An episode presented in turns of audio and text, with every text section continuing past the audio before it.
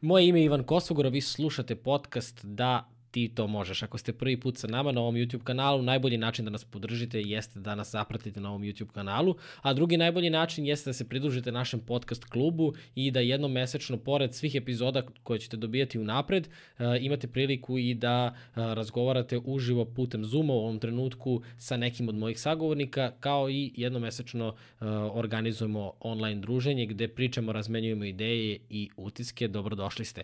Moj današnji gost je Daniel Peš, Ješić, doktor i čovek koji ima jednu neverovatnu životnu priču. Uh, vidjet ćete u samom razgovoru šta je sve učinio, uh, šta trenutno radi i razgovarali smo o tome kako da pametno treniramo. Dakle, razlika između profesionalca, razlika između uh, elitnog rekreativca, između rekreativca, između kampanjskog treninga i između e, ljudi koji uopšte ne treniraju, kako da se prepoznamo u grupi, šta je ono što je potrebno da uradimo i kako da sačuvamo svoje zdravlje.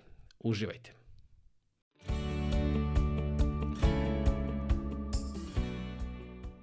Ja kad vidim vojno lice i uvek imam kao neki osjećaj zahvalnosti, tako da se zahvaljujem za službu, zahvaljujem se za sve što ste uradili, za sve što ćete uraditi, ali vaša karijera je, evo ja sad i dalje scrollujem, u poruci gde je kratka biografija. Ja ću sada da krenem da čitam i ovaj deo sa, o, o kukolju se od, od ovaj, kako se zove, to je to, znači hvali ga. Ja krećem samo da čitam, preleteću preko nekih stvari, a mi ćemo onda kasnije da krenemo kako je sve, kako je sve krenulo. Uh, specijalista sportske medicine, stalno zaposlen u Vojno-medicinskoj akademiji kao načelnik medicine sporta u Beogradu. Završio je fakultet medicinskih nauka u Beogradu, sanitetsku oficijsku školu i specijalizaciju medicine sporta. Trenutno je na doktoratu iz eksperimentalne i primenjene fiziologije u medicini sporta na fakultetu medicinskih nauka u Kragujevcu. Predsednik je lekarske komisije u Judo Savjezu Srbije, odatle i Kukolj, i lekar Olimpijskog komiteta Srbije, takođe lekar u Skijaškom savezu Srbije, član medicinske komisije za Beogradski maraton. Saradnja sa košar, Košarkaškim savezom i ženskom košarkaškom reprezentacijom u godini osvajanja osvajanje titule Evrope 2015. kao i osvajanje bronzane medalje na Olimpijadi Rio de Janeiro 2016. Konsultanti u Veslačkom savezu Srbije. Lekar je naše najbolje skijašice svih vremena, Nevena Ignjatović, takođe stručni konsultant Biatlon Saveza Srbije. Radio je kao stručni konsultant jedne od najboljih svetskih odbojkaških klubova Volero iz Ciriha i Švajcarske u toku Lige šampiona 2015-2016. Idemo dalje, idemo dalje. Lekar, lekar u VMA, svetska i evropska prvenstva, Brazil vojna letnja olimpijada, Koreja vojna letnja olimpijada, pričali smo dalje, pričali smo dalje. Saradnja sa Crvenom zvezdom, pored svih funkcija i saradnja sa savezima kao lekar, nastupa i dalje za vojnu skijašku reprezentaciju. To je i dalje aktualno? Jeste. Okej. Okay. Idemo dalje, udžbenik iz medicine sporta i ja imam još jedno, recimo, pola stvari koje nisam rekao sad sad ja hoću da dam prostora. Ovo je sad bilo kao da se oni malo zagolicaju i kao aha, okej. Okay kako kreće put i kako kreće karijera čoveka koji uradi sve ovo u, u svom životu. Nije neprijatno i nije neprimereno pitati ko, koje ste godište s obzirom na sve ove stvari koje ste uradile, ali to je stvarno svaka čast. Ovo je impresivno. I, vi ste mi da. poslali kratka biografija, ja sam napisao ovo je impresivno. Jer ovo je da, hvala. nesvakidašnje. Da, hvala na tom ovaj, na najavi. E, pa Zanimljivo je što praktično, ajde, ja sam rođen u, u Mostaru, jel, 76. godine, i što to sad pričam, znači, pored e, svi, sva ova interesovanja, jesu krenula od, odatle. Ja sam posle e, osnovne škole, jer sam paralelno sa osnovnom školom završio i muzičku. Znači, to jeste moj savjet i budućim ovaj, roditeljima i uopšte kad su u dilemama. Znači, treba decu od malih nogu, ne prisiljavati i mučiti, ali davati im izbor. Znači da se, osim onih konvencionalnih stvari, koje jeste da se završi, naravno, srednja škola, odnosno osnovna, srednja i tako dalje, to su sad obavezne, ovaj, da se po mogućnosti nastavi i na fakultet, jeli, razna usavršavanja, ali od početka im treba davati izbor neki, još šansu, tako da sam ja zahvalan isto mojim roditeljima što sam ja završio muzičku školu, gitaru, iako sam ja praktično u toj školi učio nešto što ja danas ne sviram, jel? jer sam se ja vrlo rano zainteresovao za blues, što nije baš bilo svojstveno tim uzrastima, neko sa 8 godina 9 ne može da razume blues, definitivno. Iako su mi to tad stariji pričali, ja sam bio onako malo tvrdoglav, ali sam kasnije kad sam došao u te godine znam zašto su mi to rekli, jer ja to i sad mogu kažem ljudima. Nije to lako razumjeti, znači to je jako, jako jedan Eh, ozbiljan pravac, je li, ovaj, čovjek mora da sazre da bi mogu da svira i da razumije bluz. Pogotovo da ga stvara.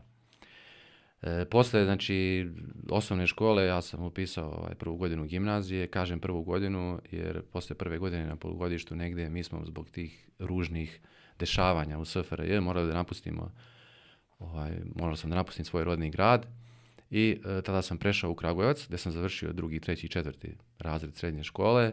Posle toga sam otišao u Podgoricu, zato što mi je otac ovaj, vojni pilot, imali smo prekomande i ja sam u Podgorici završio taj tri poslednje godine, znači srednje škole i jesam imao, moram priznati, želju da budem ja pilot kao otac, međutim, ovaj, kad su se sve te stvari desile, meni je malo ta želja splasnula, a i majka je bila veliki protivnik, jer dosta je jedan pilot u kući, velika je briga, još plus mi je i stric pilot, znači sad su u penziji, sad je mirno. I ovaj, posle toga sam se odlučio za neku, da kažem, detaljnu, delikatnu jednu nauku, prirodnu, što nije bilo baš očekivano od mene, jer ja sam praktično svirao gitaru. Još od osnovne škole sam crtao dosta, imao sam izložbe, znači još i u osnovnoj školi. I onda su mislili da ću da odem na Cetinje na likovnu akademiju, neki moji profesori neki su mislili da ću da dodajem, pošto sam ja malo i pisao, pardon, ovaj, prozu, poeziju više, i čak su izašle neke ovaj, pesme u nekim časopisima i mislili su da ću da se bavim i pisanjem. Međutim, ja sam sve tu umetnost nekako zapostavio u smislu da neću da se bavim tim u životu, nego više da sebe zadovoljavam ovaj, takvim pozivom. Tako da sam otišao i nisam baš siguran bio u tom trenutku da uh, se od umjetnosti može živjeti na našim prostorima onako kako treba. Jel, da, jer tu ima dosta, jer sam ja naravno mnogo umjetnika sam se družio tada i sa muzičarima i slikarima i glumcima i tako dalje. Čak i bilo je priče o glumi. Ovaj, e, nisam vidio u njima da su oni nešto pretjerano zadovoljni. Mislim, jeste s jedne strane da se čovjek, da ga to ispuni, ali s druge strane ima dosta frustracija, to sam vidio. Tako da sam se vrlo, nije bilo teško da se odlučim da ovaj, krenem na medicinu. O, tako da sam završio medicinu i... Gde ste završili medicinu? U Beogradu. U Beogradu. I posle toga sam vrlo brzo dobio posao u specijalnim jedinicama znači, Vojske Srbije. Tamo sam bio skoro šest godina i sav taj sport koji sam ja volio i želio mi je donekle tad bio izazov.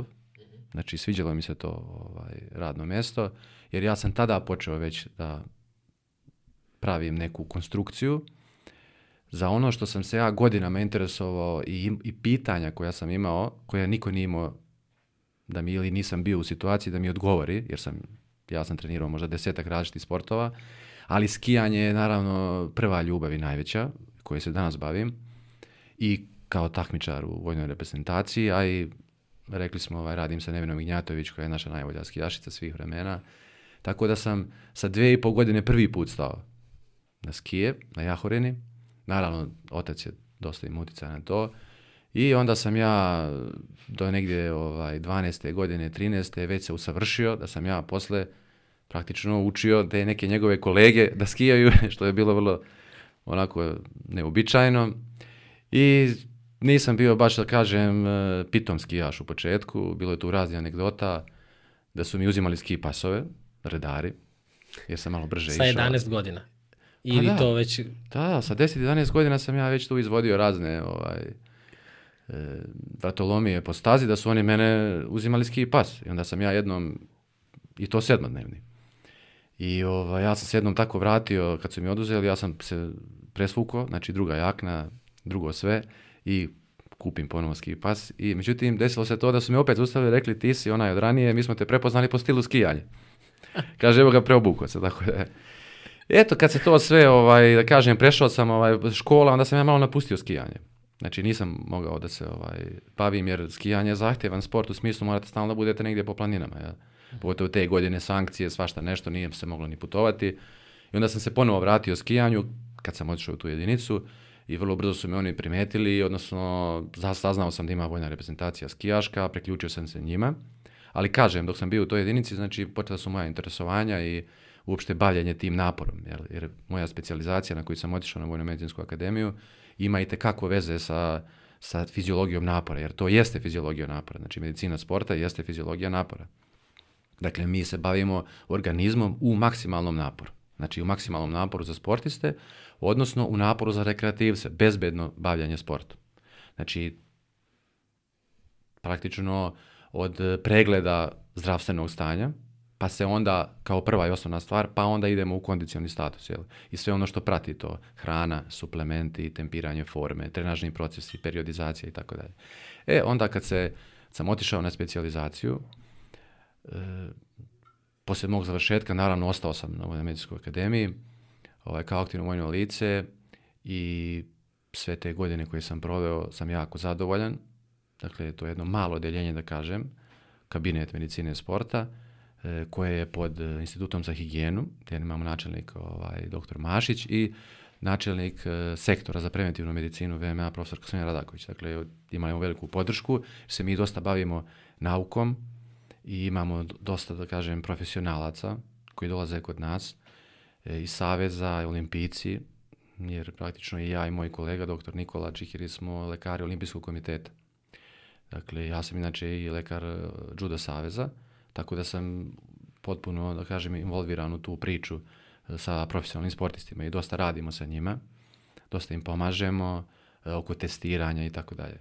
Pričali smo pre nego što smo počeli da snimamo o Neveni Gnjatović i uspehu koji ste ostvarili, pa da pomerimo tu priču i zanima me na koji način pomažete zapravo profesionalnim sportistima, šta se, šta se tu pa dešava? Pa da bi, to je malo da kažem kompleksnija priča. Znači ja bi se malo vratio unazad. E, prvo, moram da, se, da podijelimo sve fizički aktivne osobe. To je jako bitno. Jer za sve ljude koji budu slušali, e, imamo prvo ljude koji su, imaju sedentiran način života.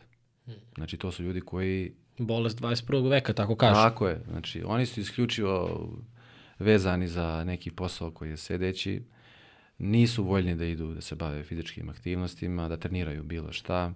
Sve što mogu da obave kolima, oni će obaviti kolima o hrani ne vode mnogo računa, najčešće, tako da su to praktično e, osobe koje su neaktivne. I u, moram reći u nekom su riziku. Onda imamo povremene rekreativce, to su ljudi koji se, odnosno osobe koje se povremeno bave nekim sportom ili su kampanjci da kažem, jer jednostavno pred leto ili pred skijašku sezonu hoće malo da, da povežbaju, da se kao spreme i da kao da su spremni jel, za taj sport i napor.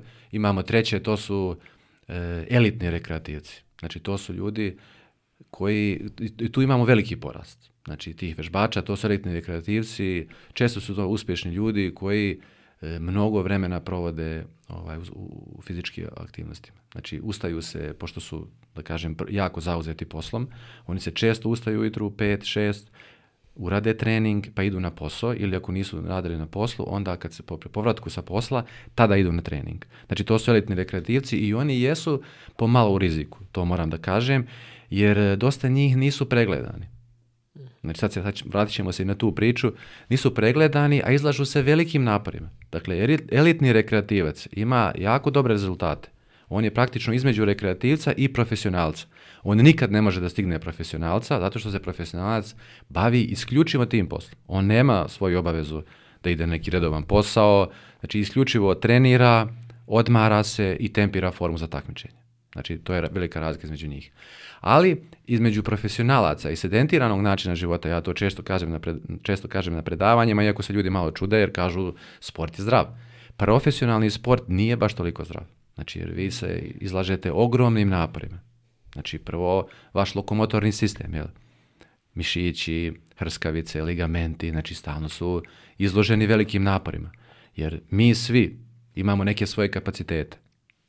Znači i iako to zvuči ljudima čudno i ovi koji treniraju, mi smo svi otprilike na 60-70% svog kapaciteta. Sad da bi, bi vam bilo jasno o čemu ja pričam. Dakle, kad neko upotrebi 100% svojih kapaciteta, znači za neki napor, to je na granici da čovjek izgubi život. Znači, kao što je uradio, recimo, često se to pominje, na onom polju maraton, kad je Grk, e, vojnik, trčao do... Ovaj, Aha, da ovaj, stigne, da prenese jeste, da poruku. da prenese okay. poruku, da je se nešto desilo i on je istrčao tih 42 i 120 metara koliko je već sada tačno ovaj, ruta maratona, on je rekao tu e, vest i izdahnuo je. Znači, on je praktično potrošio 100% svojih kapaciteta ili malo preko toga. Međutim, kad je u pitanju stres veliki, kao što imate majke, recimo, koje spase decu, a mi se čudimo kako se to desilo ili kako u vojniku strahu preskoči zid do 3 metra, inače ga ne može nikad preskočiti. E, to su te stvari adrenalinske gde se čovek izlaže ogromnim naporima gde je riziku da izgubi život. E sad se vraćam na onu priču o elitnim rekreativcima. Dakle, izlažu se velikim naporima, a pogotovo oni koji nisu pregledani. Znači, oni bi svi trebali da pređu, da prođu kroz paletu pregleda. Znači, od laboratorijskih pretraga, od ultrazvuka, znači ne možemo samo mi da radimo. Znači, treba nam i laboratorija, treba nam i kardiolog. Znači, da uradi svoje pretrage. Znači, ako treba i holter EKG, a ako je nešto sumnjivo da se uradi, znači 24-časovno praćenje rada srca ili pritiska. I idemo na kraju na test maksimalnog opterećenja, a to je e, kardiopulmonal exercise test. Znači to je procjena funkcije srca i pluća, razmjene gasova, metabolizma i tako dalje. Znači to je jedan praktično zlatni standard koji je kod nas u sportskoj medicini jedan od najvažnijih dijagnostičkih metoda koje mi radimo naravno i e, na Vojnoj medicinskoj akademiji. Dakle, sa tim posljednjim testom mi u realnom vremenu izlažemo da li rekreativca ili profesionalca maksimalnog opterećenja. Imamo parametre po kojima zaključujemo da li smo mi uradili test sa maksimal, maksimalnim opterećenjem ili ne. Znači ako se jave bilo kakvi problemi, znači imamo dosta znakova preko kojih to gledamo, test se zaustavlja i ide na dalju ekspertizu, znači pacijenta. Ako je sve prošao, na šest meseci se to radi, profesionalac na šest meseci mora, onda svaki šest meseci dolazi na te preglede. Jer profesionalac, dakle to nije čovjek koji trenira na puls od 140, 150. Znači on svoj puls često diže skoro na 200. Neki i preko toga. Jer imamo tu malo razlike. Anaerobni sportovi, oni su, mogu mnogo veći puls da postignu, za razliku od aerobnih sportova, oni baš i ne mogu. Jel? Koje su to, koje su to razlike, sada ovo mi se dopada kao ko su profesionalci, ko je elitni rekreativci, rekreativci, kako da prepoznamo razliku između elitnog i rekreativnog, u smislu koliko elitni više trenira, neko ko sad sluša ovo i razmišlja da li bi ja trebalo da se testiram ili ne, treniram tri puta nedeljno, onako treniram, samo da istreniram ili...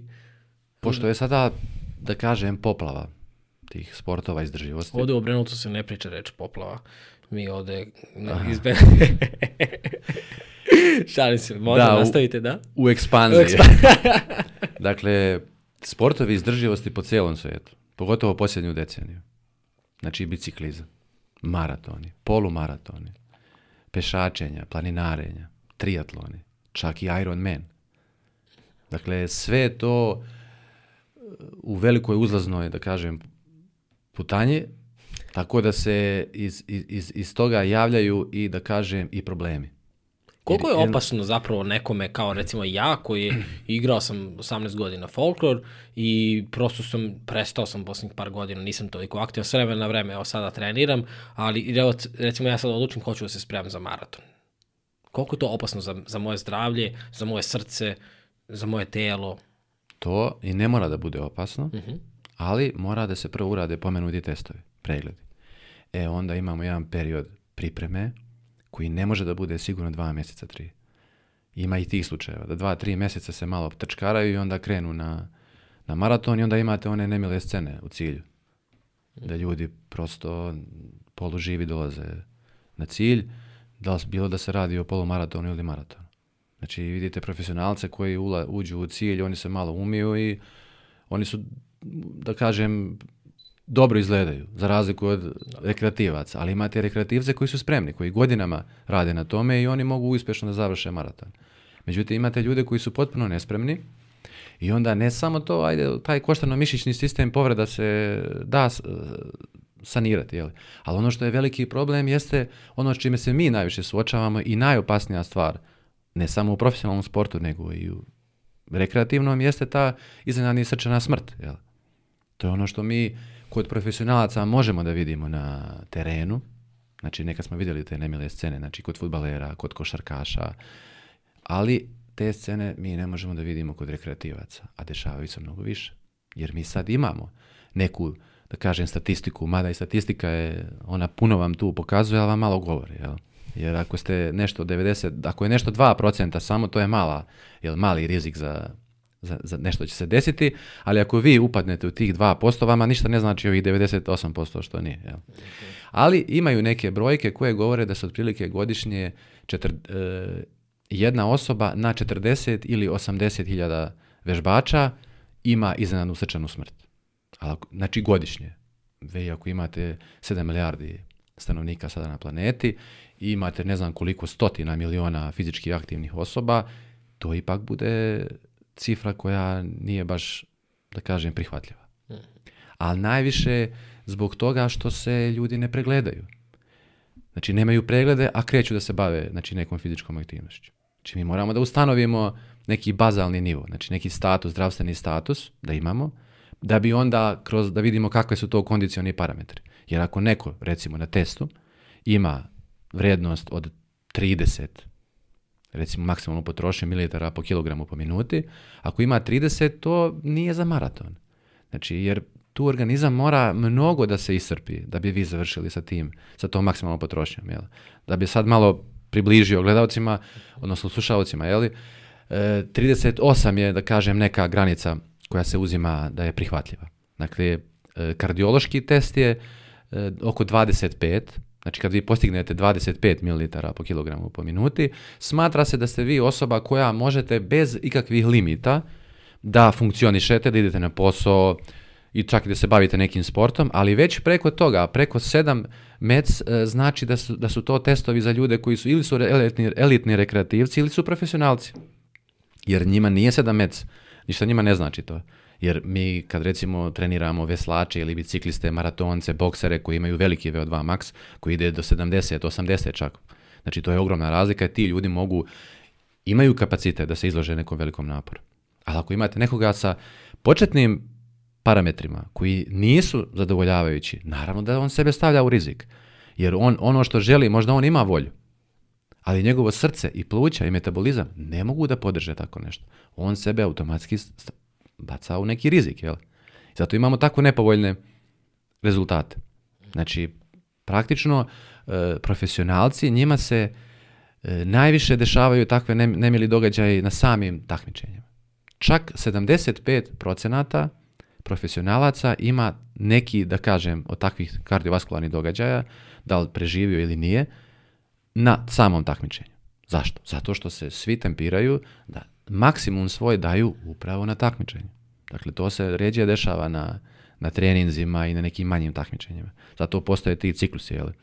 godišnji, dvogodišnji, olimpijski ciklus, jer na kraju najveće priznanje i najveća medalja jeste sa olimpijade, donekle i svjetsko prvenstvo, ali za te dve stvari se ovaj uvijek tempiraju, odnosno da kažem za sve većinu sportova jeste olimpijada, ali je za futbal najvažnije svjetsko prvenstvo. Znači njima nije Da, Uvijek sam se pitao, bilo mi je zanimljivo, kao zašto rade čet, na četiri godine olimpijadu i, ili svetsko prvenstvo? Ja sam mislio da je to zbog organizacije, financije, kako se to treba da se sve to bude, ali zapravo ima, ima neki Jeste, naravno, smisl. to olimpijski ciklus pripreme, mm -hmm. ali ima naravno i financijski, zato što su sve olimpijade, kao sad, evo vidite, u Tokiju, e, odgođena je na godinu dana. Je jeste na kraju? Nešto sam čuo da hoće, treba ali... u julu da bude, mm -hmm. znači da treba u julu da bude, Uh, I oni su... Mislim i nema smisla da bude sada. Oni ne mogu, oni su rekli da oni ne mogu više da izdrže. Znači, iako je Japan je jako bogata zemlja i oni su rekli da oni ne mogu više da, oni, oni će sada je održe ili je neće održavati, jer oni ne mogu da izdrže više da čuvaju sve to, praktično su na stand-by. Jer, e, a mora da se održi, evo, koliko je ta ozbiljna stvar korona, je sama činjenica da je olimpijada odložena. Olimpijada je odložena, koliko ja znam, samo kad je bio drugi svetski rat. Da, jednom je bilo. Tad, I evo sad je drugi put. Da.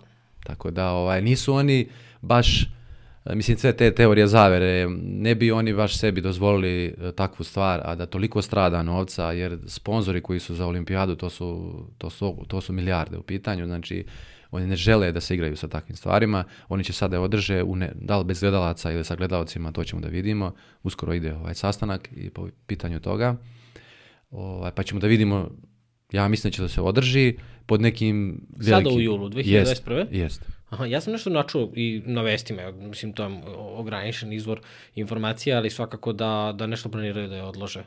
Jer kao ne, ne, nešto su nešto su rekli kao neće imati smisla sve ovo što smo do sada uradili ako sada pozovemo sve ljude na, na ovaj događaj. Ja koliko znam, znači posljedna informacija da će se mhm. održi sada. I ako se ne održi, onda je potpuno preskaču. Znači te nema, nego se ide na sledeću, Aha. ovaj, sljedeća. Zimska je u Kini, koliko znam, a u Parizu je letnja mm. sljedeća. Sad ste spomenuli teorije zavere i malo pre smo načeli temu pre nego što smo upalili kameru vezano za to koliko je opasno da ljudi na društvenim mrežama šire dezinformacije i uh, pričaju stvari koje nisu proverene i koje uglavnom nisu istinite. Pa bih samo malo ispričao o tome koliko je to ono što ste mi rekli zapravo. Jest. Jako mi je bilo interesantno i mislim da je važno Jer ja se trudim ovde kod mene u podcastu da, da pričamo istinu, da to mi je jako važno i da pričamo, i sad uvek se postaje pitanje kako ćemo znati šta je istina, ali jako mi je važno da skrenemo pažnju da svako od nas ima odgovornost i da sve što danas kažemo je poruka. I mislim, bilo je, imao sam i sagovornika uh, Boris koji je rekao sve što kažemo i sve što ne kažemo je poruka danas, ali trebalo bi da razmislimo o tome šta kačemo na društvene mreže, da li širimo paniku, da li da li radimo nešto što je korisno i nešto što je dobro za nekoga ili ćemo uznemiriti ili možda navesti nekoga na neki pogrešan korak ili u nekom pogrešnom pravcu. Tako da mi je drago da smo otvorili tu temu sad. Mm, jeste, dakle, koliko god je dobro i koliko je ta pošast e, interneta, medija, dostupnosti informacija, koliko je to dobro, toliko je sa druge strane nije dobro što se praktično nauka je pomalo i nezaštićena e, ono što ja mogu da vam kažem iz medicinskih nauka da sada jeste ne, na, nastupio taj neki period čerupanja, moram da kažem, medicine. Jednostavno se uzimaju neki podaci, znači bez ikakve kritičke misli, da se uzimaju podaci, da se oni kače na internet, da se predstavljaju na neki potpuno neadekvatan način od strane lica koja su potpuno neadekvatna da, da pričaju takvim stvarima i onda naravno da se ljudi polakome da krenu da razmišljaju o tome, da krenu na taj način, a hvala Bogu da jedan svako može da ima neki svoj i, i, i portal i svoj ovaj, profil i svoju neku mrežu i tako dalje, znači de, de, de plasira takve stvari. Jer koliko je to opasno, ja ću da vam kažem da ja koji sam znači specijalista medicine sporta i na doktoratu sam iz iste oblasti, ne mogu da tumačim rezultate koji su iz druge grane medicine. Znači koji sam i završio isti fakultet kao moj kolega, ali čitanje naučnih radova iz moje oblasti i iz oblasti koja je recimo isto neka, ne mora da bude čak ni srodna toliko u medicini, su dvije različite stvari. Dakle, kad čitam naučni rad, vi imate mnogo podataka koje su uz taj podatak koji vi tražite. Vi da biste znali da čitate taj rad, vi morate da znate mnogo stvari koje se tu pominju, a ono što je velika zamka je da se mnoge stvari tu ne pominju, jer niko od nas nije, pa sam ja koji sam pisao naučni rad, dakle, niko tu ne objašnjava, ne, ne stavlja neka pojašnjenja za neke lajke, jel? Dakle, jer mi ne smatramo da to treba da čitaju, da čita obično građanstvo, pa da im tu objašnjavamo. A oni to samo preskoče i uhvate se za neku tvrdnju i misle da je to praktično validno da oni o tome razgovaraju. Dakle, eto sad vam, sad je možda, da li je možda malo jasnije koliko su te stvari delikatne. Dakle, pogotovo što medicina, to se može čuti od naših kolega na zapadu, da oni svi kažu pacijentima kad dođu u ordinaciju da medicina nije egzaktna nauka. Znači, nije 1, 1, 2. Znači, ima mnogo stvari koje vi kad kažete jednu rečenicu, iz te rečenice se podrazumijeva još deset stvari koje vi ne možete u isto vrijeme sve da pojašnjavate. Zato se pacijent kad se pregleda, vi date e, preporuke. Šta bi trebalo da se radi da biste došli do ozdravljenja. Dakle, ne možete da kažem e, serijski da lečite ljude. Nema veze što oni imaju istu dijagnozu, ali vi možete da staviti nekoliko različitih terapija. Zato je opasno da se, da se ljudi koji nemaju kritičku misao na medicinu, da se oni bave takvim detaljima. Jako je opasno. Znači nije toliko opasno koliko, ako, koliko on daje informacije dakle, javnosti, koliko auditorijum to sluša i povede se time. Tumači na svoje tako način, je, da. Tako je. Onda mi, ja često imamo ordinacije, naravno pacijenti nisu oni krivi, već dolaze sa nekom potpuno iskrivljenom slikom i podacima pošto se ja ajde bavim u naporu, nisu samo moji pacijenti zdravi ljudi, znači ja imam i ozbiljne patologije, dakle pacijente sa problemima srca, pluća i tako dalje, kojima mi radimo preko e, testa opterećenja, procjenu terapije, efikasnosti, znači jer pacijent mora da ima i kvalitet života.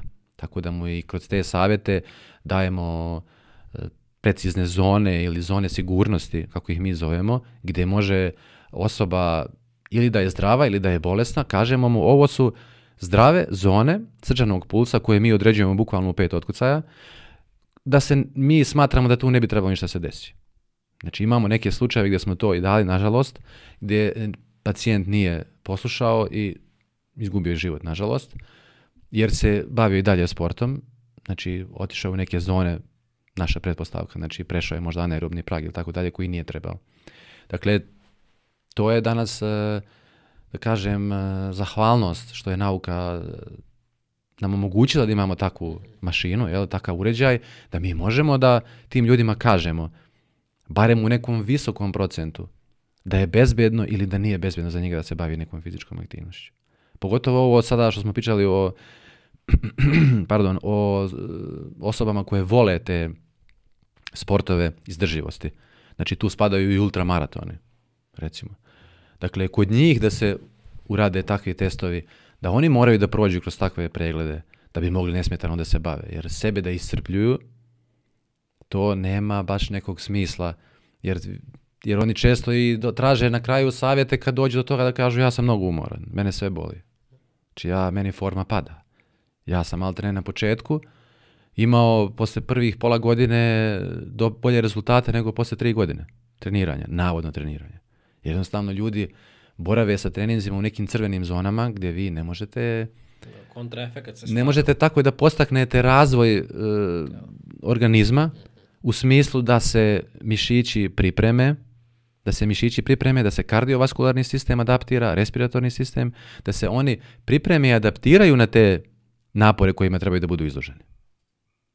Eto, to je, da kažem, velika razlika i I stvarno treba znači, apelovati na to da se ipak posjećuju takve ustanove, dakle da se traže takvi pregledi, jer mnogo je sigurnije. Čim profesionalac to radi svakih šest meseci, pa rekreativac bi barem trebao to da uradi na godinu dana minimum. Znači godinu ili dve.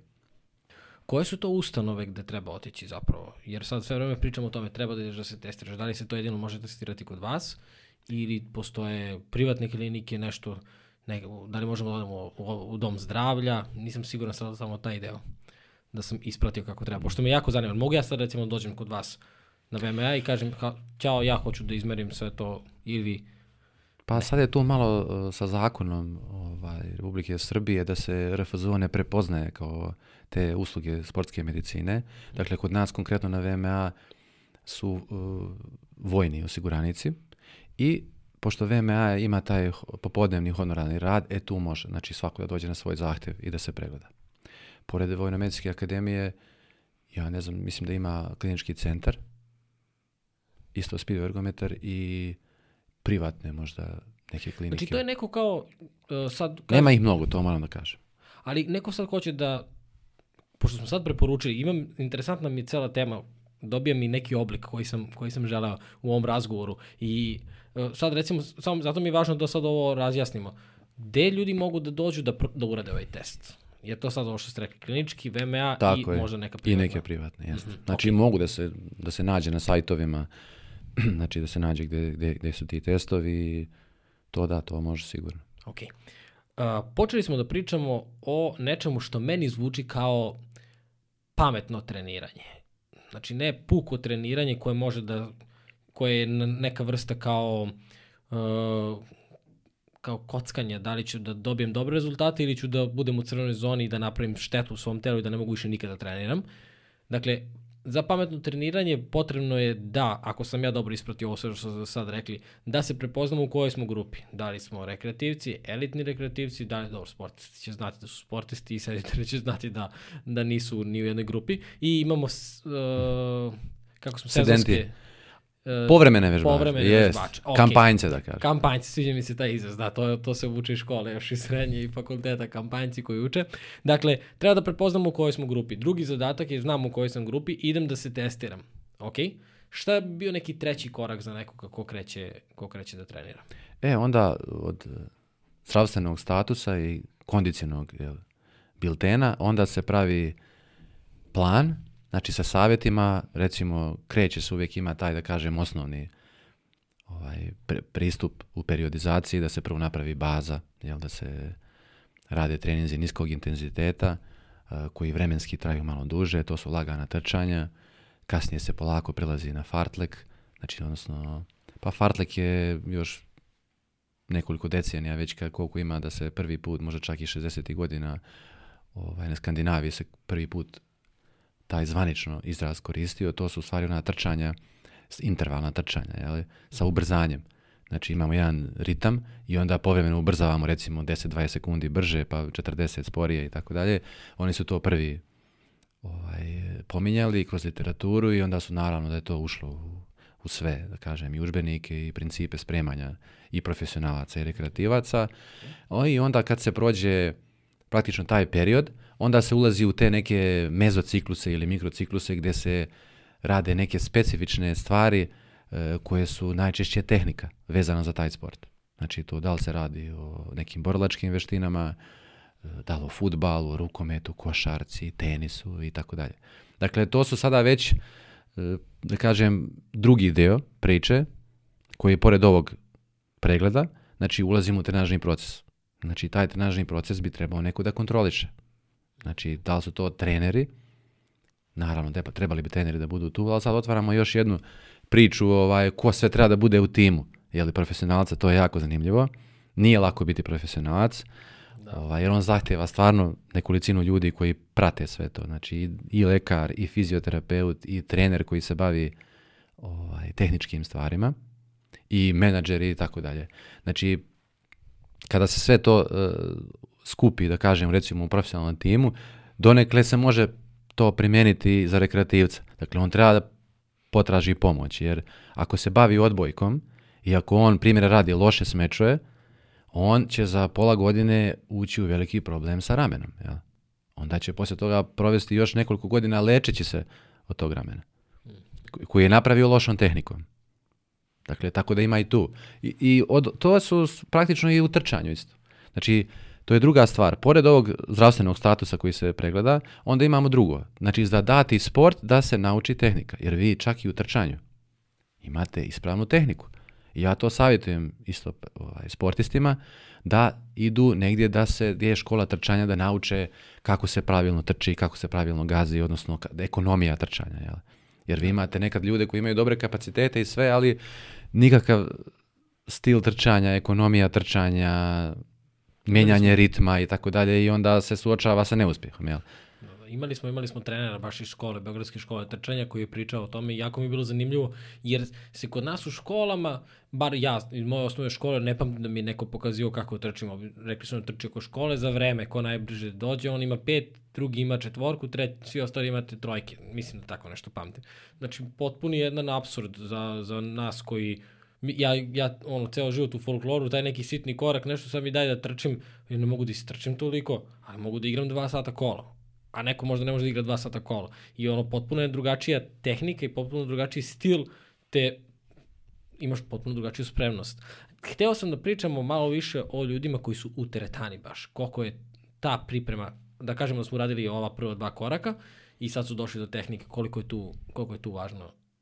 Sa teretanom šta je tu nezgodno? Znači, to su praktično ljudi koji su stimulisani, puni su volje i lana da se bave teretanom, odnosno nekim treninzima, pa se odluče, recimo, ajdu teretanu i onda se najviše baziraju na snazi. Dakle, to su, to je praktično anaerobni sport teretana. Iako oni nekad kažu, ja radim prvo kardio 7 minuta. Znači, 7 minuta praktično ne može da bude neki poseban aerobni trening, za bilo kakav efekat aerobnog treninga, on mora da traje bar preko pola sata laganog trčanja u nekoj, nekim laganim pulsevima, niskim pulsevima, pardon. A teretana je pogotovo jedna opasna stvar je tu, a to je prekomjerna telesna težina. Ja. Znači, jer rađena jedna studija uh, u Skandinaviji, tačnije u Švedskoj, na 300.000 osoba, e, gdje su zaključili da sve one osobe koji imaju prekomernu telesnu težinu, dakle čak i ako su muskulozni, da su i dalje u riziku i oni koji su prekomerna težina, a nisu recimo s, e, taj mišićni kompartman nije toliko izražen, dakle čak i taj i mišićni, ovaj, dominantno mišićno, da su oni svi u riziku isto. Tako da kad vidimo osobu koja ima e, veliku, da kažem, masu mišićnu, to uopšte ne znači da je ona zdrava. To je znači na svetskom prvenstvu 97. godine na Mister Univerzum, to su znači bodybuilding, e, svi znaju za Arnolda Schwarzeneggera i on je isto sad ima problema zdravstvenih veliki, e, da je čak od 11 finalista, devet njih imalo abnormalan EKG. A poznato je da bodybuilding nema apsolutno nikakve granice sa dopinzima. Znači oni, oni nisu olimpijski sport, Isključivo zbog razloga što kad bi njima neko ukinuo doping, oni ne bi mogli da urade to što žele. Jel? Pošto je bio je jedan ovaj, sportista, prof, on je nekog godina za redom bio ovaj, mis univerzuma gdje je imao genetsku anomaliju sa miostatin, znači taj gen za rast mišića, znači on ga nije imao prirodno i njemu je nimalo šta da zaustavi rast mišića. Znači on je nekoliko godina ovaj, pobeđivao. Dakle, to im stvarno izgleda, mislim, do nekle imponzantno, imponzantno, ali nama lekarima to ne izgleda baš kao zdravo. Dakle, i naravno on je poslije toga jako teškom zdravstvenom stanju bio, međutim, zanimljivo je kad su ga pitali da li bi nešto promenio, jer sad znaš da nije to dobro bilo, on, on je rekao da ne bi ništa promenio, da bi potpuno istu stvar uradio. Ovaj, tako da, bodybuilding, nemam ništa protiv bodybuildinga, ali naravno nisam za, za, za, ovaj, za doping i to, to. Jer ja sam general, i, i lekar olimpijskog komiteta i mi jako vodimo računa o tome. Znači protiv dopinga, svim sportistima, profesionalcima sa kojima radimo, znači to su stalne edukacije, pogotovo Antidoping agencija Srbije koja to dobro radi, ovaj, vodi se računa o svemu i sve suplemente koje, koje su sa, sa mojim profesionalcima koje radimo, sve te kutije pakovanja se čuvaju godinu dana. Znači, da ne bi slučajno bilo ako se desi da negde budu pozitivni, onda se sve uzorkuje ponovo, jer ima neki izvestan procenat mali gdje su oni kontaminirani ovaj suplementi zato što se oni prave često po istim trakama, jel? gde se prave lekovi, onda se lekovi sklone pa se prave suplementi. To generalno ne bi trebalo da bude tako. Ali imate danas je suplementacija unosan posao. Dakle, to su milijarde, znači godišnje ovaj koje se daju suplemente i mislim vidite sami koliko ima tih radnji suplementacije i to se dosta koristi. Mislim, to je sad ajde nova tema, ali stvarno nekontrolisano, bespotrebno. I ja samo moram da apelujem ovom prilikom da se niko ispod, ispod 18 godina ne bi trebao da koristi nikakve suplemente. Eto, to je, prosto treba pustiti organizam da se do 18. godine razvija, da se ne utiče. Znači, čak i teretane nisam za to. Znači, evo sad opet sam na teretanu malo Da, da, me, da, da. da me pogrešno ne shvate. Teretana je dobra, ali nije dobro da se samo bavi čovjek teretanom. Dakle, jednostavno vi morate da imate neku adaptaciju kardiovaskularnog sistema da biste se bavili fizičkim aktivnostima. U teretani vi ne možete da dobijete baš adaptaciju, a, a puls dižete jako visoko. Jer oni svi u, u teretanama su motivisani da dižu sve više i više težine, da guraju nogama sve više i više, da dižu iz benča ovaj, sve više više, tako da, ali to, su, to je stvarno veliki pritisak. Dakle, i puls i pritisak na organizam. Tako da i tu se mogu desiti neželjena dejstva. Ja. Znači, mnogo je bolje da se teretana, mislim, malo je to sad nezgodno, teretana se pretvorila u sport. Teretana služi kao jedna pomoćna, pomoćni sektor, da ga nazovem, za profesionalca da on u svojoj disciplini, jer ne može sve treninge da, izvode, da izvede samo na atletskoj stazi ili u gimnastičkoj sali. Znači mora nešto da ide sa opterećenjem, jel? sa nekim specifičnim opterećenjem ili za leđa ili vi imate recimo dizanje tegova, jeste olimpijski sport. Oni moraju da ljudi budu teretani. Znači to nije ništa čudno. Meni tata pričao kad sam bio mlađi da ne treba da imamo teretanu do 18. i ja sam baš imao stav kao zašto ne, ti nećeš da ja izgledam dobro kao što izgledaju, ne znam, moji vršnjaci i tako dalje i tako dalje. Međutim, što sam više upoznavao lekara i sportista, to sam više dobio tu informaciju da teretana je jako opasna stvar i da teretana nije zamišljena da da je koriste svi i da teretana definitivno ne znači da ćeš biti zdrava ako ideš u teretanu. Što je potpuno suprotno nekoj ideji koja trenutno vlada i koja vlada poslednjih, koliko sam ja uključen što se tiče teretane, ne znam, nekih 7-8 godina otprilike, ja sam taj kampanjac, zato mi je bilo to zanimljivo sezonski. Ja ne idem da se spremam za leto, nikad nisam zaista patio od toga da treba da sad da imam sve trbušnjaki i ostalo, ali ja idem tako, uhvati me 3-4 meseca, pa prestanem, pa opet me uhvati 3-4 meseca i tako dalje i tako dalje. Ali nije to, nije to tema koju, gde sad želim da idem, hoću da kažem samo uh, kada sam pričao baš sa Kukuljem, sada ga spominjamo nekoliko puta, ali ovaj, sve ima svoj razlog, on, i pitao sam ga, rekao, da li tebi tvoja karijera, da li ti to više kao igra ili shvataš kao posao? I znam samo da mi je odgovorio, uh, e, poslednjih deset godina se nisam probudio da me nešto nije bolelo. I kao, definitivno nije igra. Da, pa profesion, nemate profesionalca koga nešto ne boli. To je definitivno. Kad on kaže da ga nešto boli, ja sam u početku kad sam počeo da radim sa njima, uh, Dakle, da bi mi bilo malo, ja sam ono u panici bio, jao, boli ga nešto, pa dok ovi stari kažu ništa ne brini, to je potpuno normalno, u profesionalnom sportu nešto stalno mora da boli. Jer kad se izlažu tolikim naporima, pa sad, mislim, ti treninzi su stvarno naporni, za šta god da se uhvatimo, ili judo, ili skijanje, ili atletiku. Znači, pogotovo još kada dodamo na to takmičenje, na trkama gde ljudi daju 100, malte ne 100% od, od sebe, jel? kapacitete. Znači medalja, medalja prvo mesto. Naravno, svi se takmiče da bi pobjedili jel? ili da imaju neki ciljani rezultat ne, ili neku normu hoće da postignu i tako dalje. Tako da, ali sve može da se izbalansira. Sad je samo pitanje tima. Znači, ko je u timu profesionalca? Ja sam jednom držao zanimljivo predavanje o ultramaratonu. Dakle, to je bilo analiza ultramaratona Melbourne-Sydney. 980 km. I tu je pobjeđivao godinama Janis Kuros, se zove taj Grk, On je napravio taj rekord e, te trke 5 dana, 5 sati i 7 minuta. I je pretrčao 980 km. Toliko je od moje kuće do Lefkade, gde smo vi bili, tako 980-990 km. Tako. ja kad sam, naravno, sve detalje sam imao, da. kad sam se pripremao za predavanje, on je u toku tog svog, da kažem, ajde, nije to više ni trčanje, to je putovanje, e, imao potrošnju i unos kalorija oko 55.000, recimo unio je 55.700, a potrošio je 55.500, što je bilo neverovatno da je razlika bila samo u par stotina kilokalorija. Ako vam kažem da jedna čokoladica Marsa ima možda 200-300 kilokalorija, sad gledajte koliko je to precizno bilo izbalansirano šta je on pojeo i popio u toku svog trčanja 5 dana. Naravno, on je ispavao. Ali prvih 24 časa, koliko se sjećam sada tog predavanja, on je tek nakon drugog dana trčanja e, odmorio ili zaspao možda 20 minuta.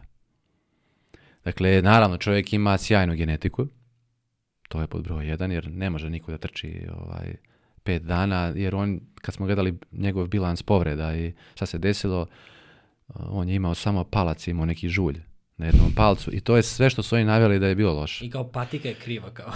ne, on je on kao. potrošio 3-4 para patika, nekoliko šorceva, majica i tako dalje. Znači mijenjao je to usput, morao je. Ali eto, to je bilo da kažem njegov bilans povreda. Sad zamislite nekoga 5 dana ko trči i spava tako u 24 časa po pola sata. Dakle, jako dobro izbalansirano i ugljeni hidrati, i proteini, i tečnost. Ova, a naravno, kažem, genetika je tu jako bitna. E sad, ta genetika je koliko je dobra da znamo, toliko i nije. Zato što su danas, pored dopinga nedozvoljenim substancama, sredstvima, postoji i ta, da kažem, pošast e, genetskog inženjeringa, odnosno rada sa DNK i genima, znači genska terapija.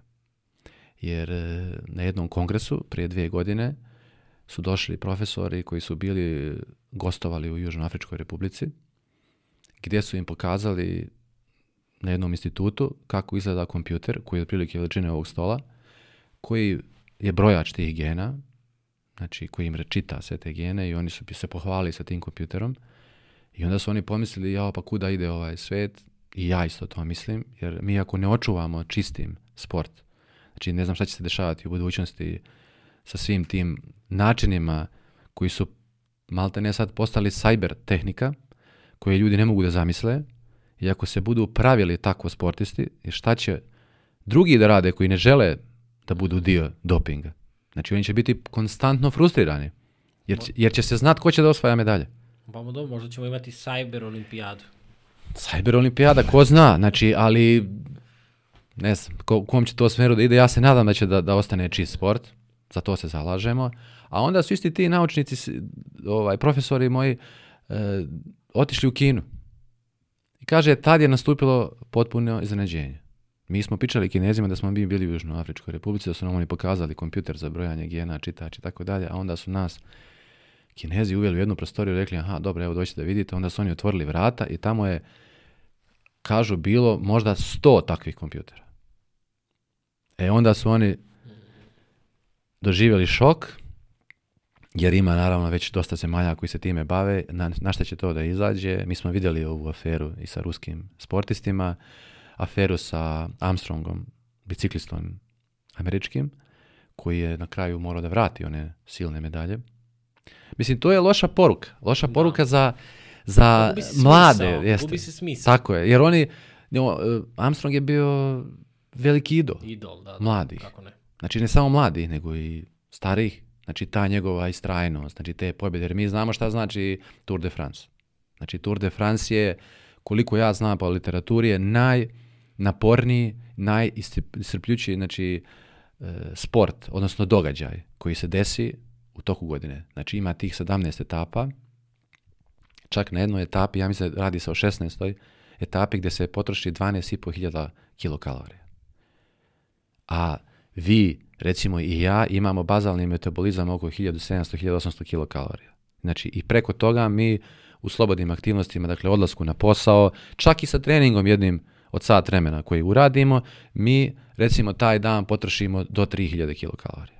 Ako se izlažemo napornom treningu kao rekreativci, pa mi stignemo možda do 3500, 4. Pa možete misliti šta znači 12.500 kilokalorija za jednu etapu, za jedan dan. Naravno, oni ne mogu da unesu svu tu energiju preko čvrste hrane, sve moraju da unose, odnosno većinu da unose kroz tečnost. E, tu su jako bitni suplementi. I timovi u biciklizmu su najveći. Dakle, i to je za mene isto iznenađenje bilo.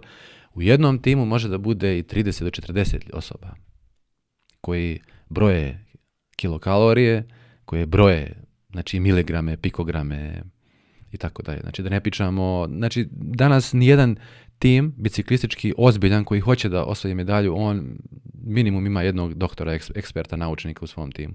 Dakle, jednostavno sportovi koji nisu tehnika, dakle, nauči se da se vozi biciklo, jer to nije problem. To je praktično fiziologija, sport fiziologija.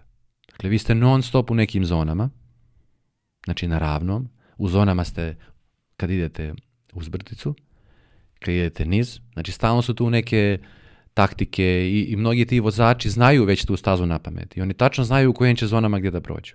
I non stop dobijaju, primjećete na trci da dobijaju non stop iz onih kola razne čokoladice, razne flašice, dakle oni sa tim praktično. Jer e, generalno sa tim kalorijama i profesionalcima, dakle ako mi uzmemo, zato se suplementi mnogo recimo uvode.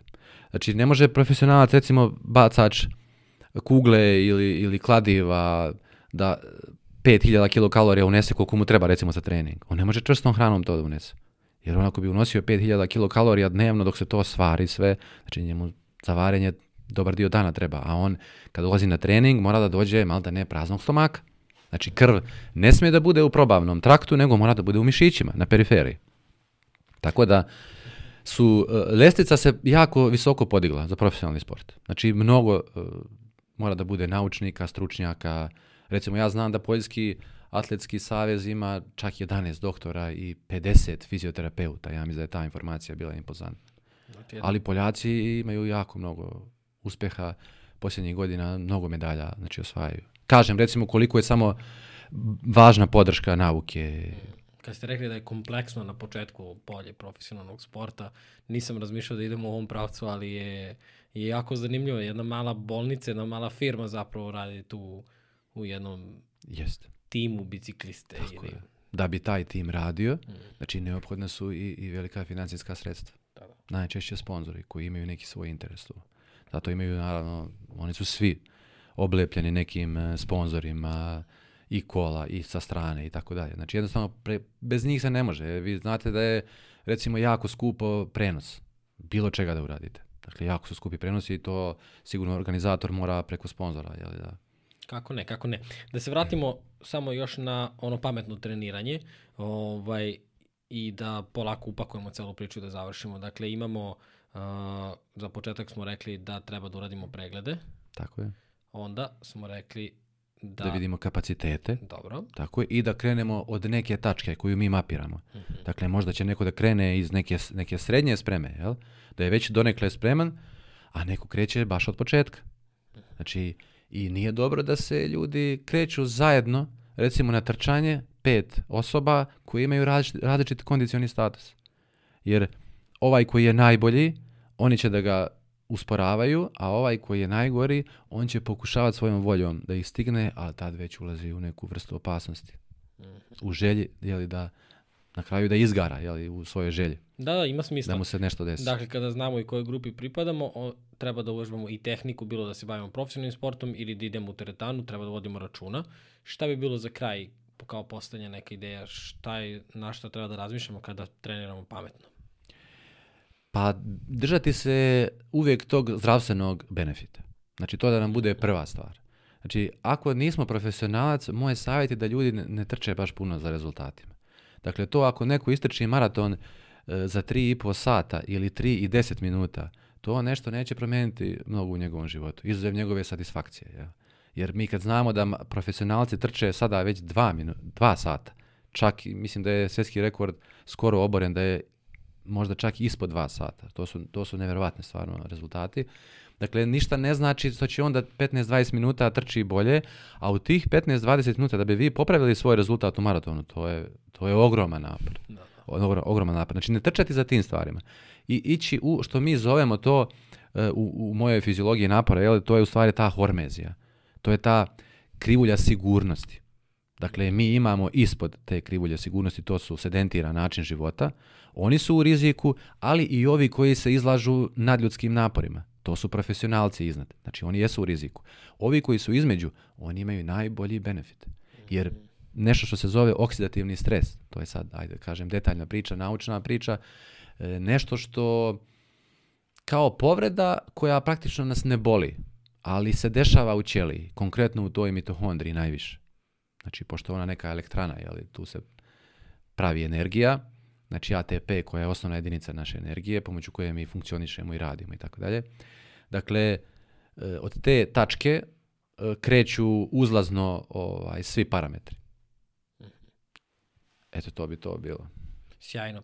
Hvala vam puno na na ovom razgovoru. Hvala vam puno na vremenu, znam koliko ste zauzeti i kako se trebalo da se ovo organizuje i cela procedura. Želim da se zahvalim i Bojani sa, sa VMA na, na pomoći i podršci i e, zaista, zaista cenim sve ovo što ste uradili i unapred se radujem našem, našem narednom razgovoru. Toliko toga može da se nauči od vas, a gde nije samo, e, da kažem, e, neka teorija ili samo neka priča iz prakse, već to, toka iskustva i toliko, toliko znanje koje sam ja sad potrudio, ne znam ni koliko smo došli do. Više od sat vremena pričamo, ali toliko još toga mogu da, da naučim od vas, ali mi je jako drago da smo spojili ovo, jer danas je, kao što smo rekli, ekspanzija treniranja i ljudi se sve više okreću ka tome i zato mi je bilo jako važno da im da skrenemo pažnju na neke stvari koje su bitne za naše zdravlje, pošto ova poslednja ideja, poslednja tačka ovog našeg procesa pametnog treniranja je bilo to da, da treniramo do mere našeg zdravlja, da nam zdravlje bude bitno, opa, a ne rezultat. Mislim da je to jako, jako važna poruka. Hvala puno. Hvala vama. Hvala svima vama koji ste slušali i gledali uh, podcast. Vidimo se sledećeg petka u 8 časova.